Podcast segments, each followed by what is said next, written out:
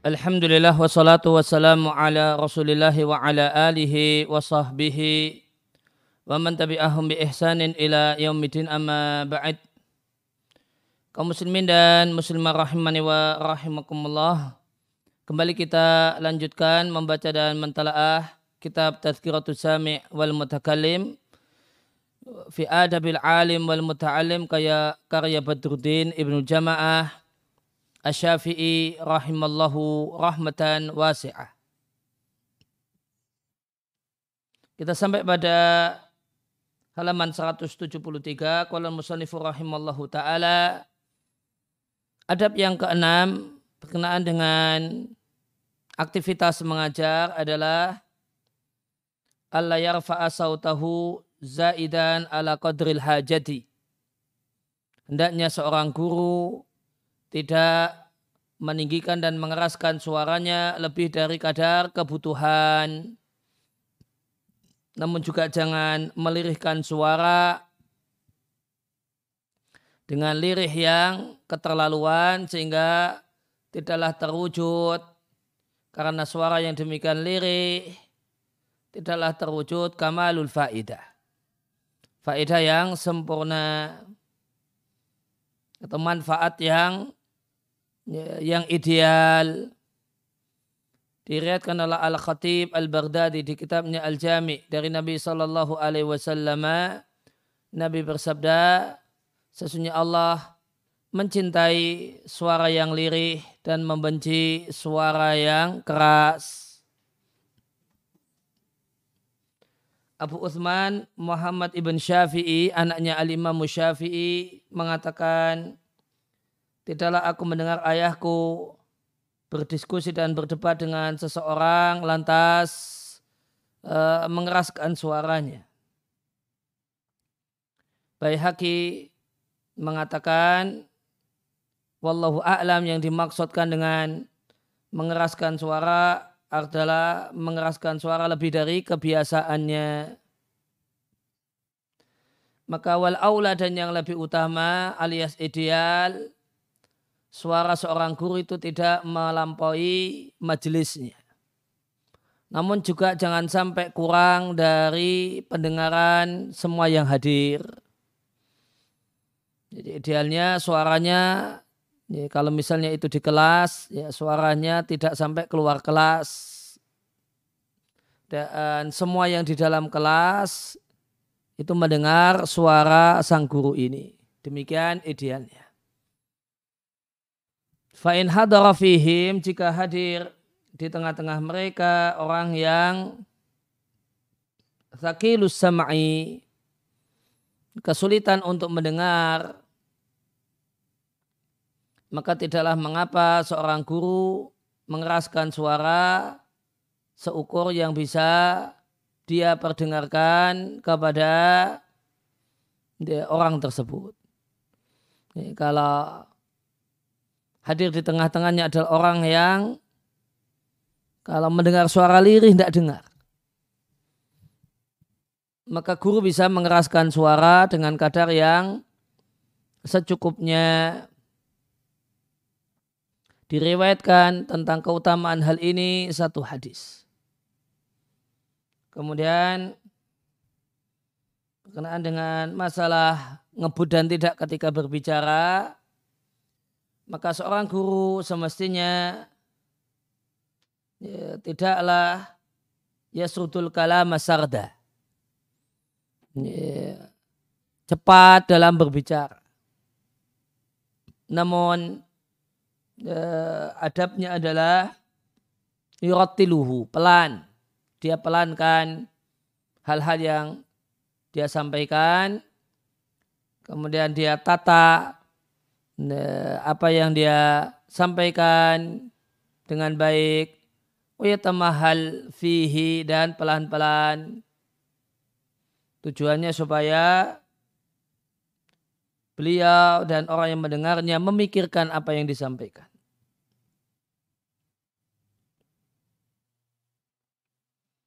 Sungguh uh, diriwayatkan bahasanya perkataan Rasulullah Sallallahu Alaihi Wasallam adalah perkataan yang jelas didengar oleh semua orang yang mendengarnya.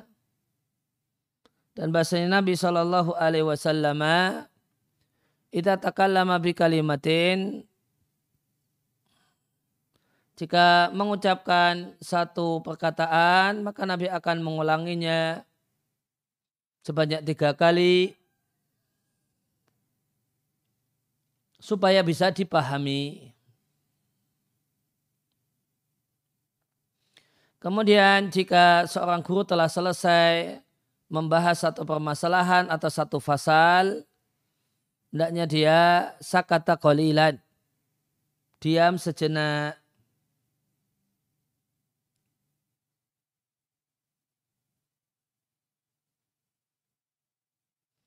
hatta yatakallama man fi nafsihi kalamun alaihi sehingga ada kesempatan untuk berbicara orang-orang yang di dalam hatinya ingin berbicara dengan sang guru berkenaan dengan masalah itu.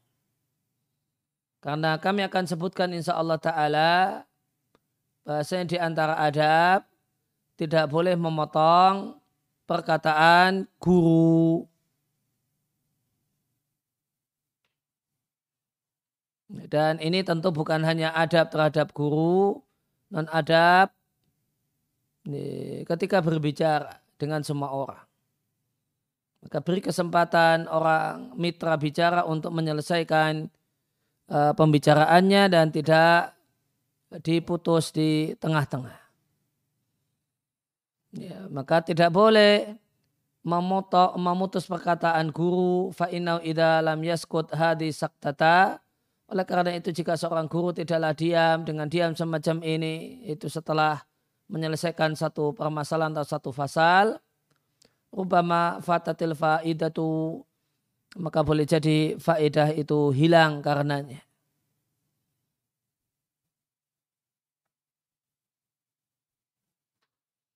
Kemudian penjelasannya dari Rasulullah Al-Usaimi hafizallahu taala qala syarih wa faqahullahu Musanib rahimallahu ta'ala menyebutkan adab yang keenam yang semestinya diterapkan oleh seorang guru ketika mengajar yaitu tidak meninggikan suara lebih dari semestinya.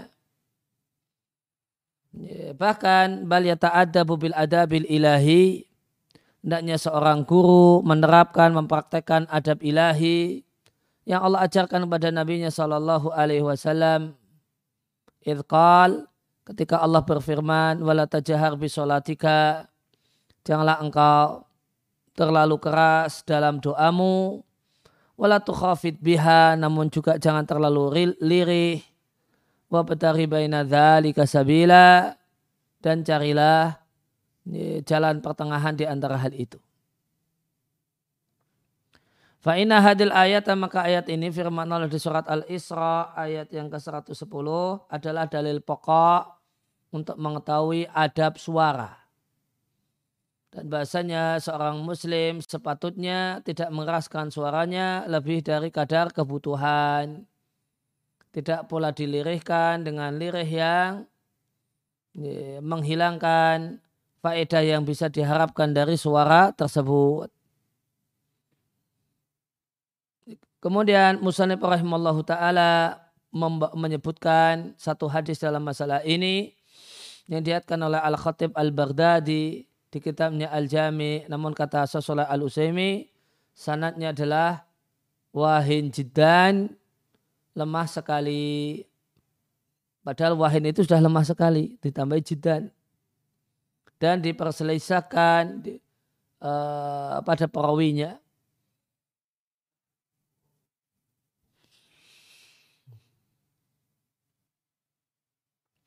Kemudian Muslim rahimallahu taala menyebutkan keadaan.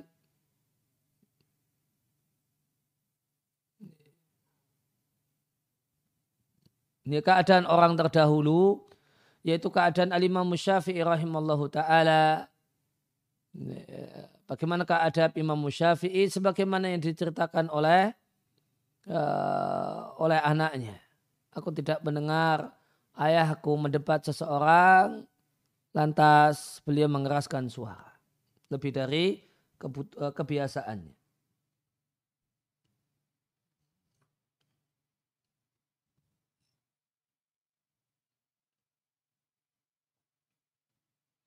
Ya, maka di sini disampaikan bahwasanya adab Imam Syafi'i tidak bersuara keras lebih dari kebiasaannya.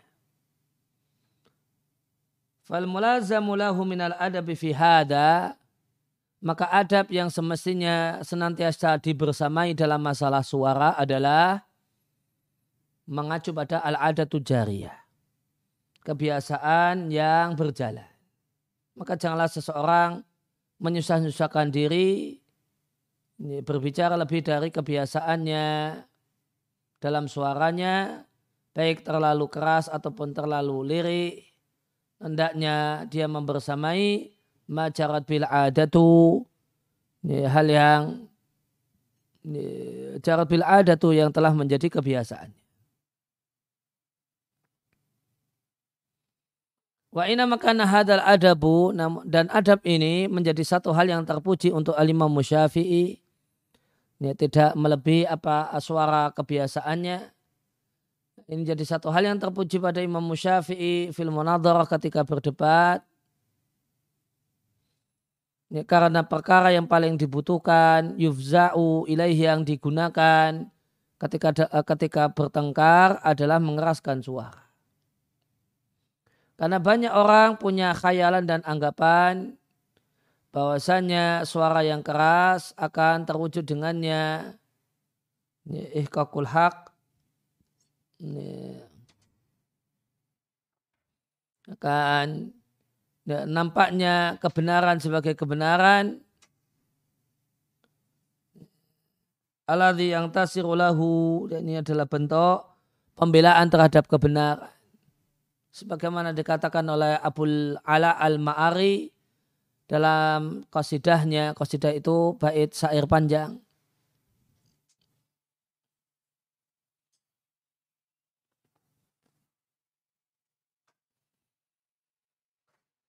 Ida kulta al-muhala jika engkau katakan itu mustahil, Rafa'tu sauti, ku keraskan suaraku. Wa idha kulta sahiha, jika engkau katakan itu benar, Aku lamakan hamsi bisik-bisikku.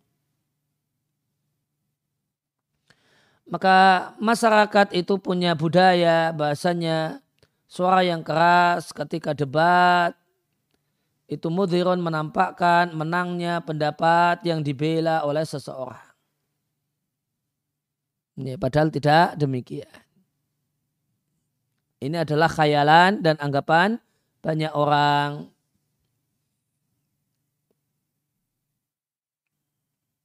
Dan adalah Imam Syafi'i rahimallahu ta'ala.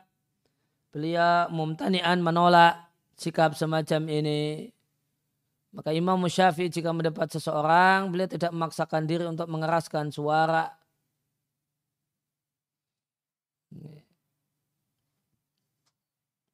Karena kebenaran yang dibela oleh Imam Syafi'i itu sudah cukup dengan dalil yang beliau sebutkan sehingga tidak perlu udah, tidak perlu persenjataan yang disiapkan oleh banyak orang ketika debat, yaitu persenjataan berupa suara yang keras dan lantang. Ini, banyak orang menjadikan suara keras dan lantang, suara yang meninggi, itu adalah uh, senjata untuk memenangkan perdebatan. Ya, padahal yang benar, ya, kebenaran itu sudah cukup dengan alasan-alasan, argumen-argumen yang uh, yang uh, yang mendukungnya dan membela. Kemudian uh, kemudian penulis rahimahullah taala menyebutkan hal yang sepatutnya. Beliau katakan yang lebih utama suara seorang guru itu tidak melampaui majelisnya. Sehingga tidak melebar, melebihi teman-teman duduknya. Namun juga jangan kurang. Ya, kenapa ini yang lebih utama? Li'anna dalika wal munasibu. Karena itulah yang cocok untuk memuliakan ilmu. Karena ilmu untuk memiliki wibawa. Hatta sampai-sampai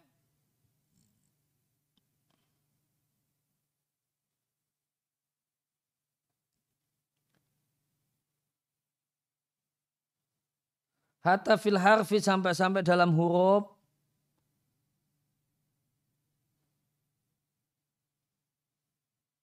aladhi yuhka bihi yang dengan huruf tersebut di dihikayatkanlah sebagai sau, eh, sebagai suara rendah dan tingginya.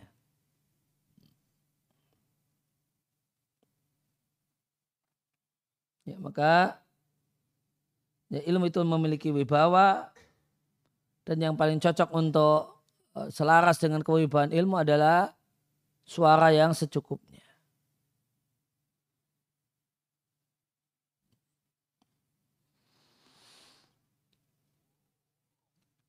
Fa'ina zaik wal hams. Hams itu bisik-bisik, suara lirih, terlalu lirih. Itu tidaklah berarti zaik itu suara yang terlalu keras. Itu tidak diperlukan dalam ilmu, dalam rangka, dan ini adalah dalam rangka bentuk memuliakan ilmu.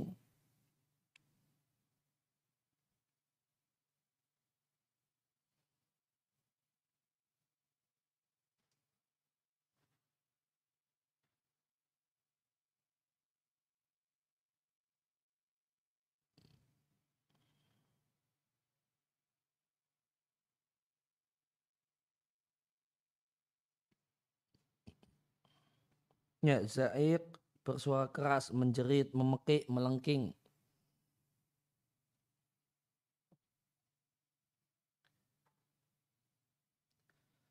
Sebagaimana Al-A'mash rahimallahu ta'ala melakukannya.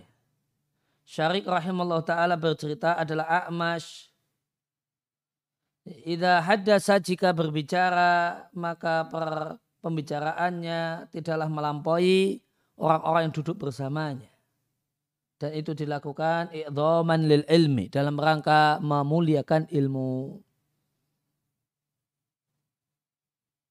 Maka yang cocok dalam rangka memuliakan ilmu adalah seorang itu tidaklah mematahkan saluran suaranya dengan terlalu lirih, jangan pula menambahi kadarnya dengan mengeraskannya. Bahkan semestinya adalah wasatan pertengahan sesuai dengan hajat dan dan hajat yang mendorong uh, hajat yang mendorongnya. Maka jika diperlukan mengeraskan suara, maka mengeraskan suara. Jika tidak diperlukan mengeras suara, mengeraskan suara maka tidak mengeraskan suara. Dan di antara adab yang menjadi kebiasaan para ulama negeri ini yaitu Najd, Riyadh dan sekitarnya rahimahullahu taala adalah mereka antusias untuk menyebarkan ilmu yang disampaikan antara maghrib dan isya dengan melalui alat yang bisa menyampaikan ilmu tersebut keluar masjid itulah alat yang disebut dengan mikrofon. Jadi kebiasaan uh, ulama-ulama najat di pengajian antara maghrib dan isya itu pakai mic luar sehingga siapa yang tidak eh, tapi khusus untuk pengajian antara maghrib dan isya. Sehingga siapa yang tidak bisa dan tidak memungkinkan menyimak di di masjid bisa menyimak sambil beraktivitas di rumah.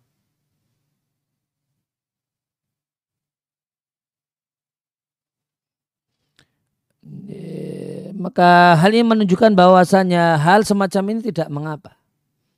Jika itu telah menjadi budaya sehingga tidak ada orang yang merasa terganggu dengan suara pengajian tersebut.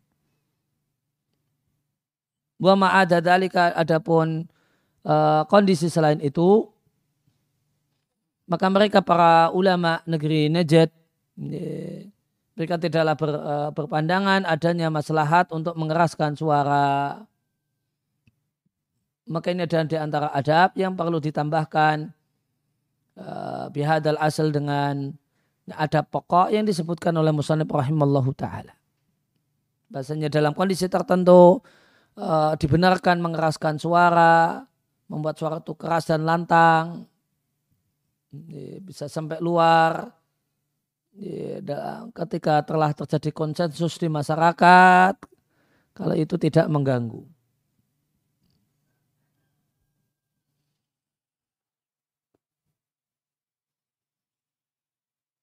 Kemudian uh, rahimah, uh, penulis rahimahullah taala menyebutkan jika ada orang yang uh, ya, agak ke, kesulitan untuk mendengar maka tidak mengapa mengeraskan suara seukur kadar yang bisa memperdengarkan suara kepadanya. Dan diriwayatkan tentang keutamaan mengeraskan suara kepada orang yang uh, punya problem pendengaran itu diriwayatkan dalam masalah ini hadithun satu hadis. Yaitu hadis yang diriwayatkan oleh Al-Khatib Al-Baghdadi di kitabnya Al-Jami dan yang lainnya. Bahasanya Nabi Shallallahu Alaihi Wasallam bersabda, Ismail Asami sodakotun. Memperdengarkan suara kepada orang yang yang uh, ya, yang tuli itu sedekah. Maksudnya tuli di sini tentu bukan betul-betul tuli, namun uh, ya kurang pendengarannya. Dan ini adalah hadis yang batil, namun hadis hadis yang batil tidak sahih dari Nabi Shallallahu Alaihi Wasallam.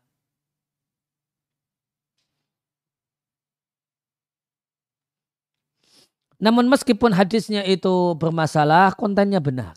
Sehingga kita jumpai paragraf selanjutnya. Akan tapi mengeraskan suara dalam rangka untuk membuat mendengar. Man sama'uhu.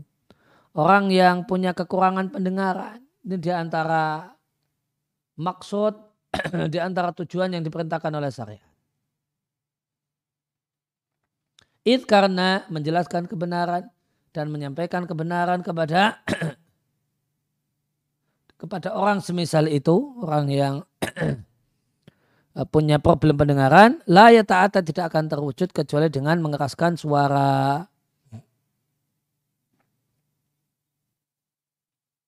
Fa inihtija ilaihi, maka jika dibutuhkan, maka seorang muslim bisa mengeraskan suara untuk memperdengarkan suaranya kepada orang yang setengah pikun atau uh, orang yang punya problem pendengaran karena tua atau karena yang lainnya.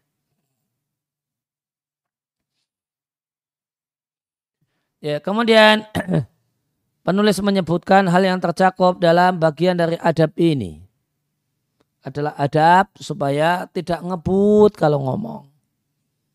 La yasrudul kalam sarda. Apa yang apa definisi sardul kalam? Definisinya uh, adalah la yutabi'u mutaba'atan yasilu ba'du bi ba'din. Satu kata itu mengikuti kata yang lainnya, satu kata nyambung dengan yang lainnya. Sampai-sampai sepertinya ya demikian rapat ngomong terus itu. Sehingga eh, kata-kata yang muncul itu demikian rapat, tidak ada jeda antara satu dengan yang lain. Sepertinya tidak ada titiknya, tidak ada paragrafnya. Namun yang benar hendaknya ketika uh, ketika mengajar yuratilhu. Dan ini bukan hanya adab ketika mengajar, namun adab untuk adab ketika berbicara secara umum. Balirotilhu hendaklah pelan-pelan yaitu yatarosal fihi pelan-pelan. Dalam berbicara. Dan pelan-pelan inilah makna tartil. Ya, kemudian ditata ngomongnya dan ya tamahal fihi pelan-pelan dalam ngomong. Tuna ajalatin tidak tergesa-gesa. Supaya dia dan yang mendengar bisa memikirkan apa yang disampaikan. Wahadal maksud dan tujuan ini adalah tujuan yang yulhadhu fihi perlu diperhatikan dalam rangka ibtigha'u fahmil hadithi. Berupaya ibtirok mencari pemahaman terhadap perkataan yang dibacakan atau yang lain.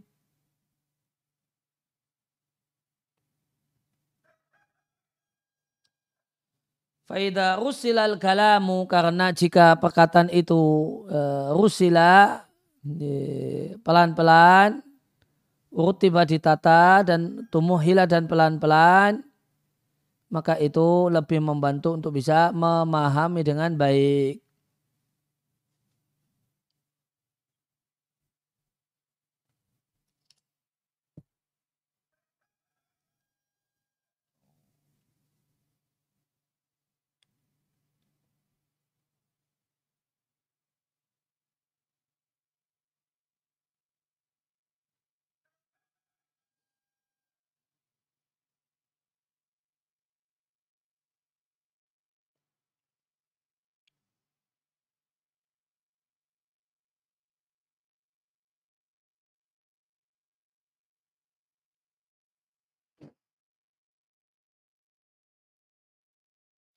Nah, kata kata Rasulullah yurasilu ya maknanya tamahala fiha waratalaha duna ajalatin.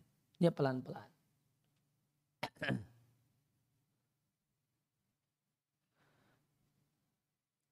Namun bikhilafil kalam lain hanya dengan perkataan yang tidaklah dimaksudkan darinya untuk dipahami secara secara spesifik. Namun maksud darinya adalah maksud dan tujuan yang lainnya. Maka untuk perkataan jenis ini boleh ngebut, boleh cepat uh, membacanya dan menyampaikannya. Contohnya apa? Sebagaimana para ulama hadis rahimahumullahu ta'ala memberikan keringanan untuk fisardi, ay fisardil kalam untuk ngomong yang cepat lihifdi riwayati untuk menjaga riwayat dan supaya ya, tetap bersambungnya asama pendengaran antara satu murid dengan satu murid satu murid dengan gurunya.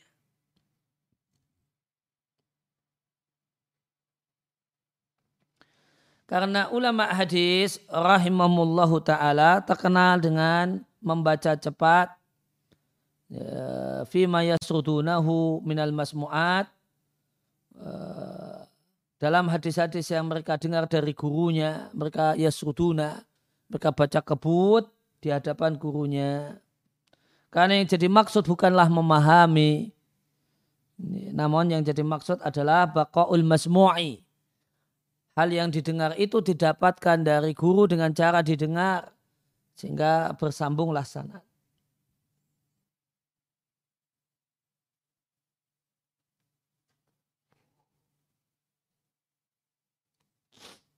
Maka walaisat maka tidaklah uh, kiroah atau bacaan pakar hadis di majelis sama adalah kiroah bacaan untuk membahas dan mengetahui dan memahami serta uh, meneliti.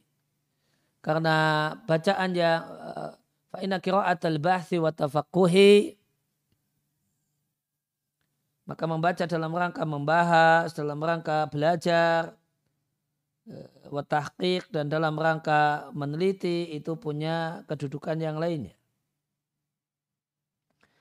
Adapun bacaan yang dimaksudkan, yang dicari dengannya, awetnya atau tetap adanya al-marwi, hadis yang diriwayatkan secara bersambung, maka ada keringanan padanya asardu membaca atau berbicara atau membaca cepat.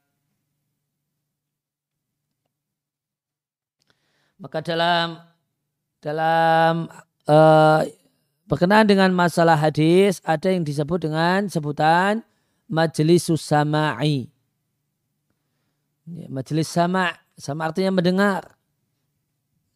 Ya, sama artinya uh, mendengar dari guru. Misalnya majelis sama Sahih Bukhari. Artinya di majelis tersebut Sahih Bukhari akan dibacakan, namun tidak dibacakan pelan-pelan. Hmm. Maka uh, majelis sama Sahih Bukhari artinya Sahih Bukhari akan dibacakan kepada seorang guru. Yang guru ini punya sanat, mendengar Sahih Bukhari dari awal sampai akhir dari gurunya. Demikian seterusnya dari gurunya, dari gurunya, mendengar Sahih Bukhari dari awal sampai akhir.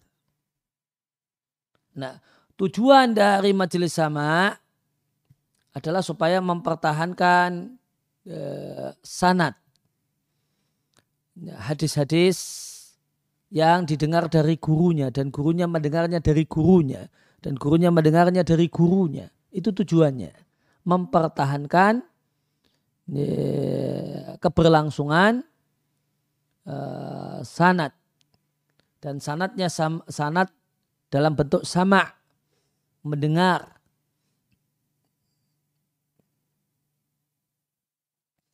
Nah, karena uh, guru ini tentu banyak kesibukan, kesibukan ilmiah dan uh, keluarga dan yang lainnya, maka beliau tidak bisa berlama-lama.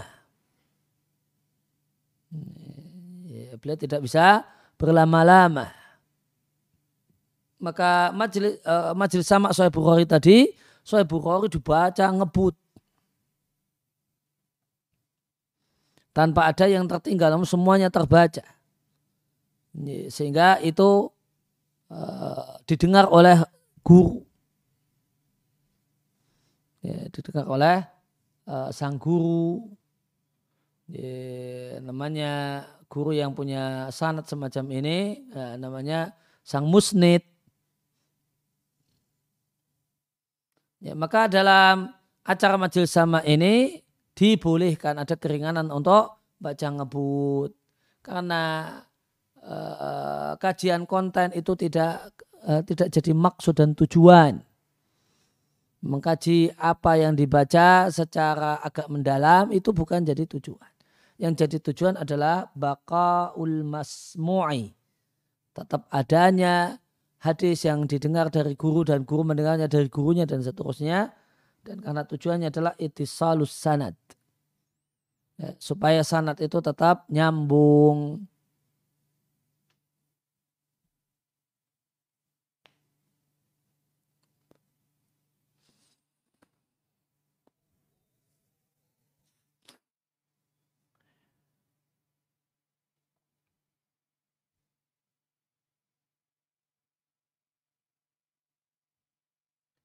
Sumakala kemudian Musanib rahimahullah ta'ala menyebutkan dan, diri, dan diriwayatkan bahasanya perkataan Rasulullah sallallahu alaihi wasallam itu faslan jelas bisa dipahami oleh semua orang yang mendengarnya. Dan bahasanya Rasulullah sallallahu alaihi wasallam jika berbicara dengan satu kata maka Rasul akan mengulanginya sebanyak tiga kali supaya bisa dipahami. Itu semua ada dalam hadis yang sahih. Wa inna memahalu hada, namun ingat sasaran hal ini adalah ma perkataan yang memang ingin dipahami. Tujuannya memang ingin dipahami. Bukan tadi tidak sebagaimana majelis sama tadi. Yang tujuannya bukan untuk dipahami, mohon uh, tujuan adalah semuanya terdengar. Tumadakar kemudian penulis menyebutkan bahasanya jika seorang guru telah selesai membahas satu masalah atau satu fasal, maka hendaknya al-mu'alim guru itu diam diamnya kalian sebentar supaya memberikan kesempatan berbicara orang yang di dalam hatinya ingin berbicara kepada guru. Yaitu membicarakan permasalahan yang sudah dijelaskan. Karena di antara adab sebagaimana nanti akan dijelaskan bahasanya tidak boleh memutus perkataan guru. Dan di antara hal yang membantu supaya murid tidak memutus perkataan guru adalah guru ini berhenti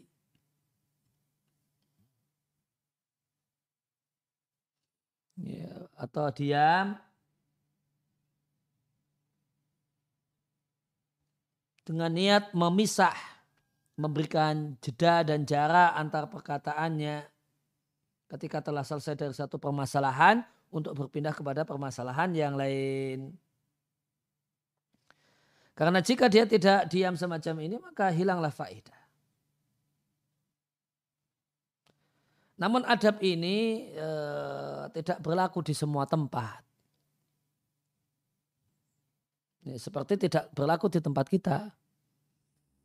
Selesai baca satu bab, kemudian guru diam itu bukan e, di tempat kita, bukanlah maknanya silahkan jika ada yang bertanya. Tidak. Ini menjadi kebiasaan di tempat kita, ya sesi pertanyaan itu di akhir setelah selesai semua materi. Itu pun pakai dipersilahkan tidak asal ngomong. Ya, ini materi sudah selesai, materi yang disampaikan sudah selesai. Silakan jika ada pertanyaan gitu. Ini tempat untuk bertanya. Sehingga adab ini tidak berlaku untuk di semua masyarakat. Sehingga saya Salah al menjelaskan hal ini. Wa mahalu hada dan tempat adab ini adalah untuk orang yang kebiasaan dia atau kebiasaan orang-orang di negerinya murid itu menyodorkan hal-hal yang membingungkan di tengah-tengah uh, pelajaran dari gurunya. Maka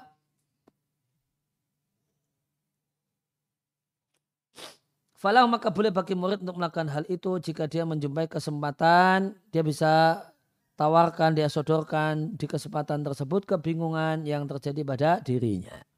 Berarti ini tidak berlaku untuk semua masyarakat. Ya, berlaku untuk masyarakat yang seperti itu. Seorang guru ngajar selesai satu fasal dan diam itu artinya memberikan kesempatan kepada uh, murid-muridnya untuk bertanya. Tapi kalau budaya masyarakat itu tidak demikian, namun semua harus tuntas, materi yang disampaikan sudah tuntas, tas, ya tuntas betul-betul tuntas, baru setelah itu dipersilakan ada sesi tanya jawab, nah, baru boleh bertanya di sesi tersebut. Oleh karena itu, ingkana mu'allimuhu jika gurunya atau orang negerinya berbeda dengan kaidah ini.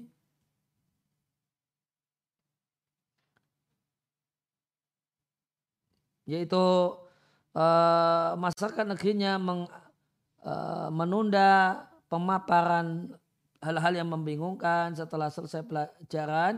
Fa'ina maka hendaknya yaltasimu bi'adabi maka seorang guru itu komitmen dengan adab eh, semacam ini yang sudah berlaku di negeri tersebut.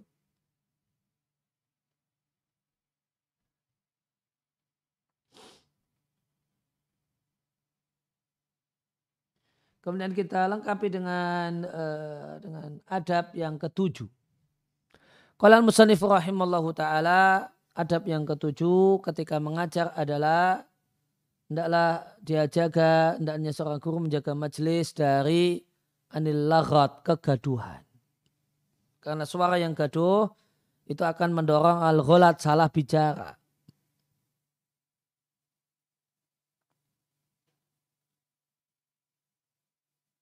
Dan jaga jangan sampai bersuara yang keras dan perbedaan sudut pandang, eh, pembahasan dan pengkajian. Arabi ibn Sulaiman, murid Imam Syafi'i mengatakan adalah Imam Syafi'i. Jika ada seorang yang mendebatnya dalam satu masalah, kemudian orang tersebut berbelok kepada masalah yang lainnya, maka Imam Syafi'i akan menghentikannya dan mengatakan, tafaror, tuntaskanlah tuntaskanlah masalah yang sedang kita bahas ini, summa nasiru ila maturidu. Kemudian kita baru berpindah kepada tema yang lain lainnya yang engkau inginkan.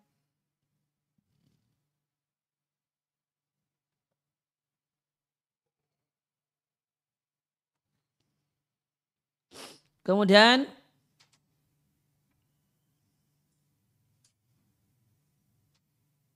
Wayatalattafu dan bersikap lembut untuk mencegah hal itu di awal-awalnya sebelum tersebarnya dan bergeloranya banyak jiwa. Hendaknya seorang guru mengingatkan para para hadirin bima jaa dengan riwayat yang uh, yang isinya melarang debat kusir ya, debat yang tidak sehat lasiyama terutama setelah nampak dan munculnya kebenaran dan bahasa yang jadi maksud dari uh, berkumpul adalah yang jadi maksud adalah zuhurul hak nampak dan munculnya kebenaran dan jenirnya hati dan mencari faedah ilmu. Dan sesungguhnya tidaklah layak bagi orang yang berilmu melakukan munafasah persaingan dan kebencian. Karena dia adalah sebab permusuhan dan kebencian. Namun wajib ayakun al-istima'u kumpul wa maksuduhu dan maksud kumpul adalah ikhlas karena Allah Ta'ala supaya membuahkan faedah di dunia dan kebahagiaan di akhirat. Tidaklah seorang guru ya tadakaru kaulau betul-betul ingat firman Allah Ta'ala liyuhiqal haqqa wa yubtilal batila untuk menampakkan kebenaran sebagai kebenaran dan kebatilan sebagai kebatilan walau karihal mujrimun meskipun banyak para orang-orang kafir ya, orang-orang pendosa yang tidak menyukainya.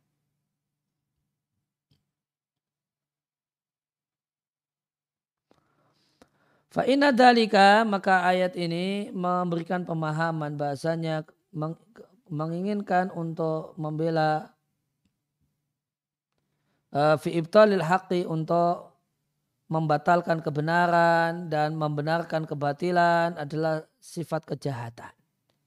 Fal yuhzar minhu maka diwaspadai.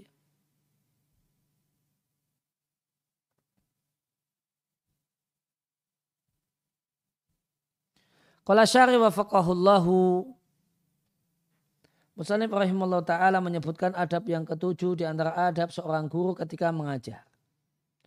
Yang menghindari di majelisnya adalah larat, kegaduhan. Yang dimaksud larat, suara yang keras kemudian bercampur dalam hal yang tidak ada manfaatnya. Keras namun nggak jelas ngomongin apa.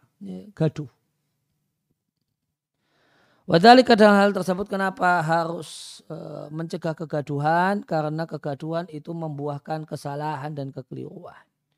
Sebagaimana perkataan ulama al-laghatu yahuthul ghalat. Suara gaduh itu mendorong ghalat kekeliruan. Wakalu para ulama mengatakan al-ghalatu tahtal laghat Ya, kesalahan itu adalah buah dari kegaduhan. Wahada maknau dan uh, ungkapan-ungkapan ini al-laghat yahutul ghalat, al-ghalat tahutul laghat. Makna perkataan-perkataan ini adalah kegaduhan itu membuahkan kesalahan dan tersebarlah kesalahan melalui dirinya. Kemudian Musanib rahimahullah ta'ala menyebutkan makan Ali Syafi'i kondisi Imam Syafi'i yang komitmen dengan adab ini. Maka beliau tidaklah mendebat seseorang dalam satu masalah. Kemudian mitra debat itu berpindah kepada masalah yang lainnya. Maka Imam Syafi'i kembali kepada masalah yang pokok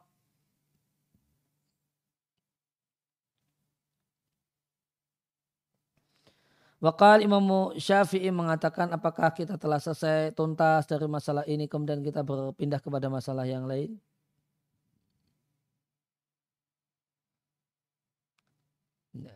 Sumadakara kemudian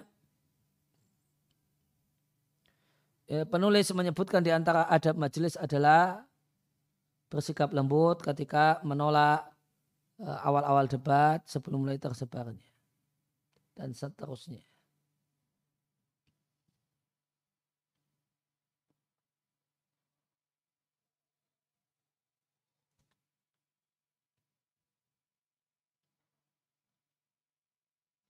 Maka untuk memangkas materi al-laghat, kegaduhan di majelis seorang guru, maka sepatutnya bagi guru untuk memutus hal itu di awal. Ketika banyak jiwa itu ingin melakukan kegaduhan. Dan tidaklah yuhadiruhum mengingatkan mereka semua yang hadir dampak dari perbuatannya. Tidaklah ingatkan mereka maksud dari ilmu. Wa dan bahasanya maksud dari ilmu adalah mengetahui kebenaran di samping jernihnya tetap jernihnya hati dan jernihnya rasa cinta.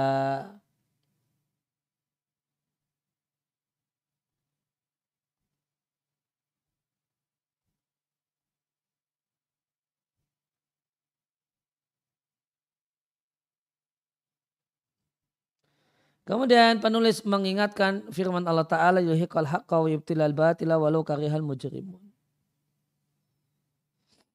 Maka keinginan untuk supaya kebenaran itu jadi kebatilan dan kebatilan jadi kebenaran adalah sifat ijrom, sifat jahat. Maka sepatutnya semestinya seorang muslim mewaspadainya. Maka menjadi kewajiban orang yang mendebat dalam satu masalah apa pun adalah komitmen dengan hal ini. Yaitu hendaknya maksudnya adalah menampakkan kebenaran sebagai kebenaran dan kebatilan sebagai kebatilan. Dan jika seorang itu keluar dari tujuan ini, sehingga berubah menjadi ingin agar ila iradati ibtalil haqqi. Supaya kebenaran itu menjadi batal dan satu hal yang batil itu jadi kebenaran maka jadilah ada pada dirinya unsur berbuat jahat yang dibenci.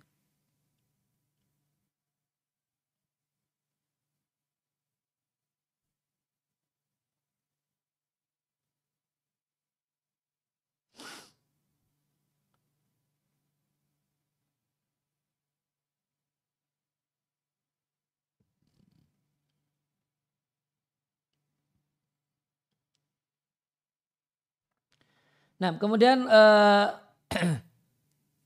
adab yang kedelapan ketika mengajar, Qala al-musannif rahimallahu taala hendaknya melarang keras orang yang melampaui batas ketika membahas dan mengkaji.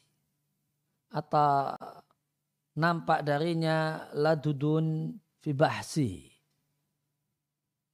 Sengit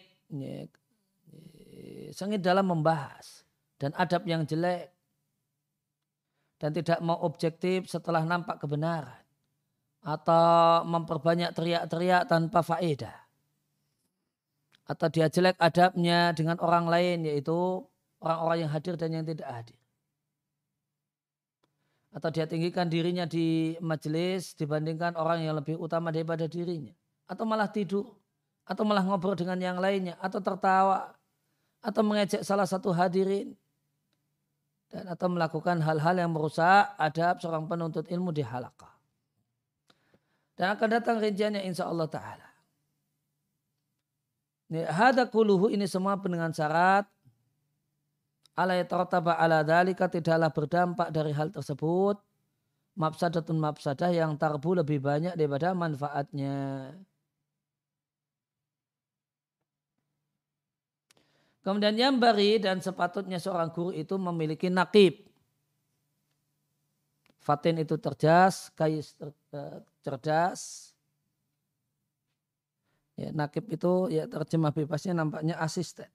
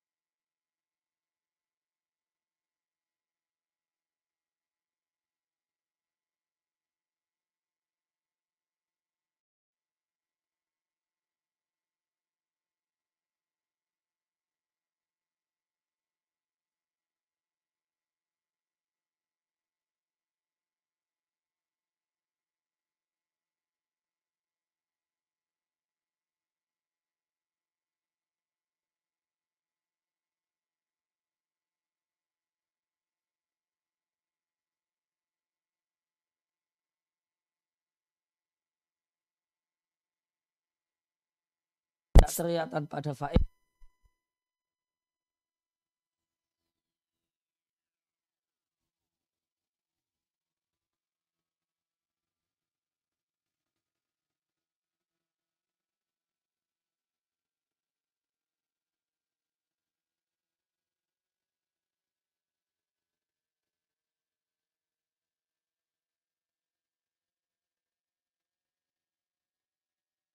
Tidak menimbulkan mafsadah yang lebih besar daripada melakukannya. Di anal maksudah min zajriha karena maksud dan tujuan dari melarang adalah mencegahnya dari kemungkaran yang dia terjumus ke dalamnya. Maka jika mencegahnya dengan melarangnya dari kemungkaran ini akan muncul darinya kemungkaran yang lebih besar, maka sepatutnya mencari jalan yang lainnya untuk memangkas materi yang mungkar yang dia sebar luaskan. Ini maka mencari torikon cara akhir yang lain fi hasmi untuk memangkar sumber kemungkaran yang asya'ahu yang telah dia sebar-sebarkan. Wahada takdib dan e, teguran ini adalah di antara hal yang mendasar dalam proses pengajaran yang penting. Yang sepatutnya diperhatikan oleh para guru. Dan diketahui oleh para siswa. Karena ilmu tidaklah didapat kecuali dengan adab. Nah, ini satu kalimat menarik yang patut untuk digaris bawahi.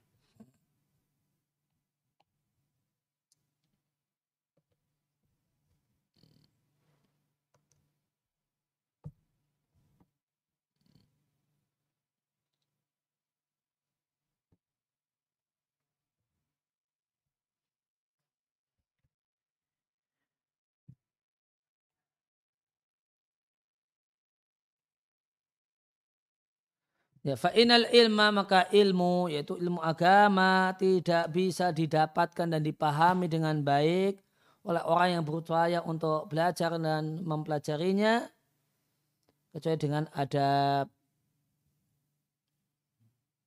Maka terkadang hilang dari seorang pelajar satu bagian dari ilmu padahal gurunya adalah ayahnya sendiri.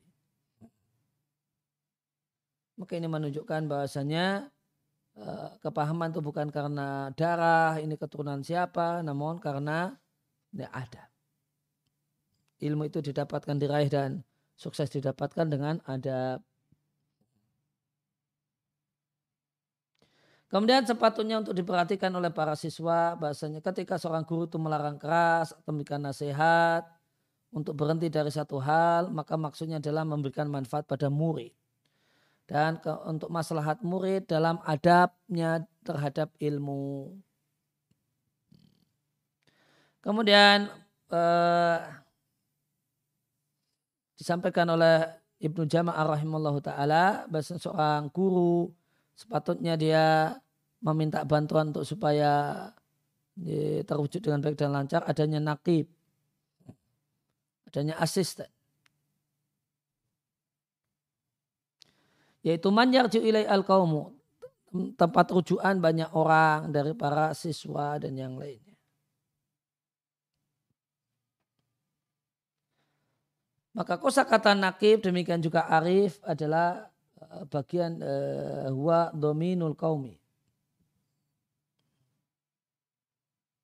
Isi dari satu kaum dan orang yang kaum tersebut mengacu kembali kepadanya. Ada kata domin ya.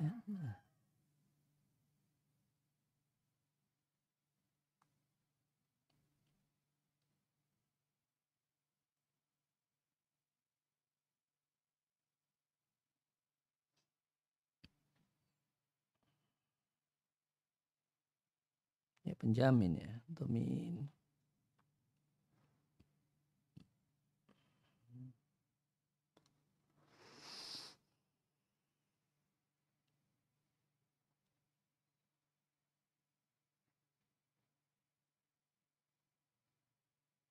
Maka ya bisa diartikan bagian nakib dan arif adalah bagian dari satu kaum yang uh, kaum tersebut kabilah tersebut mengacu kepadanya kalau ada masalah apa-apa. Karena nakib dan arif maknanya adalah dominul kaumi bagian dari satu kaum dan menjadi uh, rujukan kaum tersebut. Maka hendaknya di antara guru itu ada yang memiliki nakib, asisten, yang cerdas, yang cerdas. Eh, kais artinya aklin yang punya akal, darib artinya punya durbah pengalaman dan pengalaman dan keberanian untuk tercapai kepada maksud yang dia inginkan. Ya, maka semuanya yakumu bima yuhtaju ilaihi.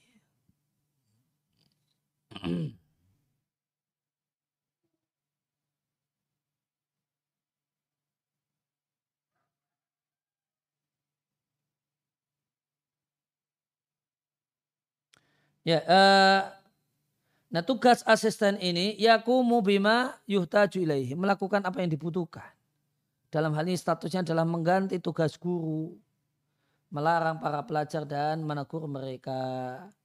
Wamin jumlah tidak dan bagian dari hal itu adalah menata orang-orang yang hadir, siapa yang masuk sesuai dengan kedudukan mereka. Faidah kalau jika telah masuk mu'adzamun min ahli ilmi ulama yang diagungkan, yang hadir.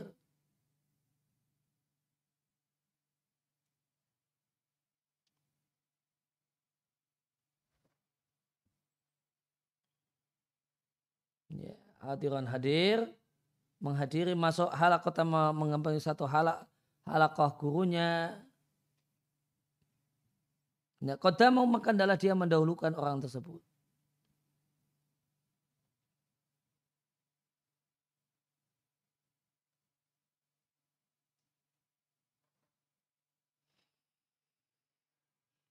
Ya, wa in taqaddama dan jika yang maju itu orang yang tidak berat untuk diletakkan di depan semacam anak kecil maka adalah dia mundurkan. Adalah dia bangunkan orang yang tidur dan dia berisyarat pada orang yang e, meninggalkan sesuatu hal yang sepatutnya dilakukan atau melakukan sesuatu yang sebaiknya ditinggalkan. Maka pakai isyarat wa ila dalika dan mengingatkannya membawa, uh, untuk hal itu, mengingatkannya untuk melakukan hal itu.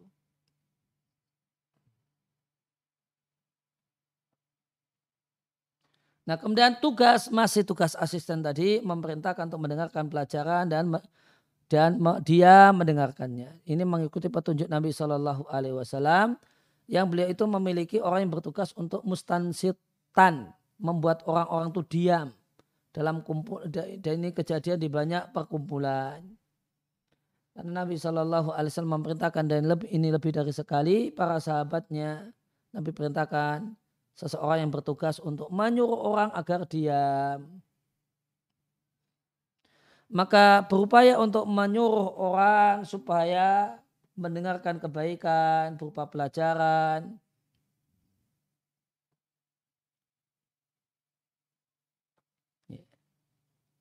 Maka berupaya agar orang-orang yang hadir itu diam untuk mendengarkan kebaikan berupa pelajaran dan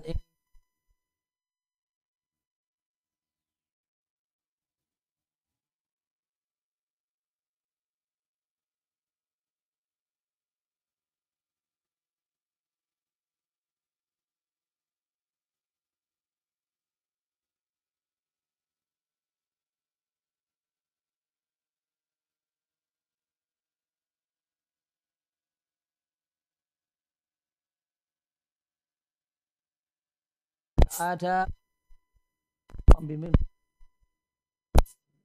ada kosakata hasif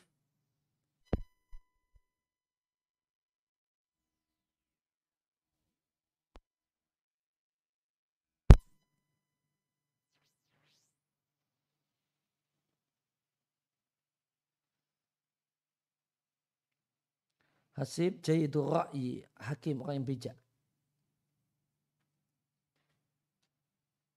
Ya, ya 11-12 dengan Al-Aqil.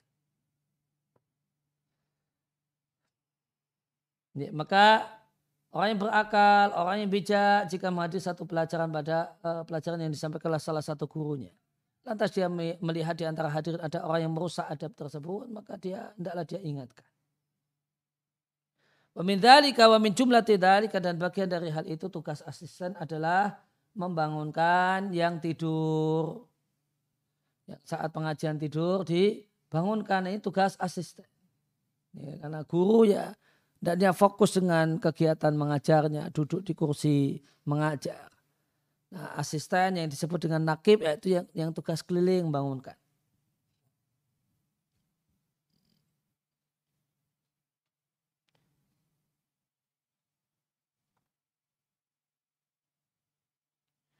Fa'ina dan naimin karena membangunkan orang yang tidur adalah bagian dari uh, upaya agar uh, diam para hadirin itu diam mendengarkan. Karena orang yang tidur dia mendapatkan kelalaian, waraibah dan tidak mendengar, tidak mengetahui ya, dalam artian tidak mendengar perkataan orang yang berbicara. Ba'ina ma yusalu yuhmalu alat insab bil iqad.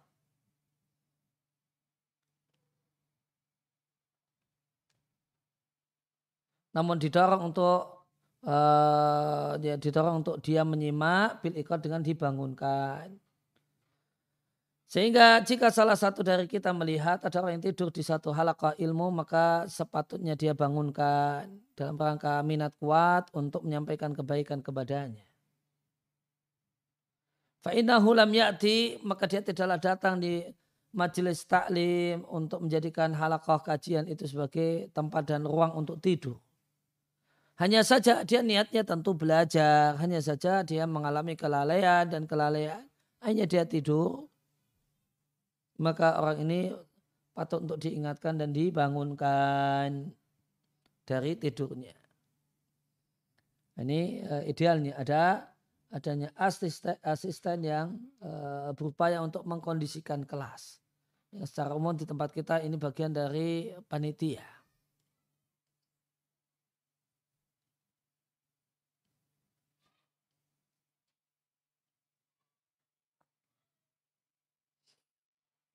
Nah, ini sejumlah uh, ini, sejumlah adab yang dimasukkan dalam adab yang ke-8 dan demikian yang bisa disampaikan dan bisa dibacakan. Wasallallahu ala Nabi Muhammadin wa ala alihi wasallam wa uda'ana alhamdulillahi rabbil alamin.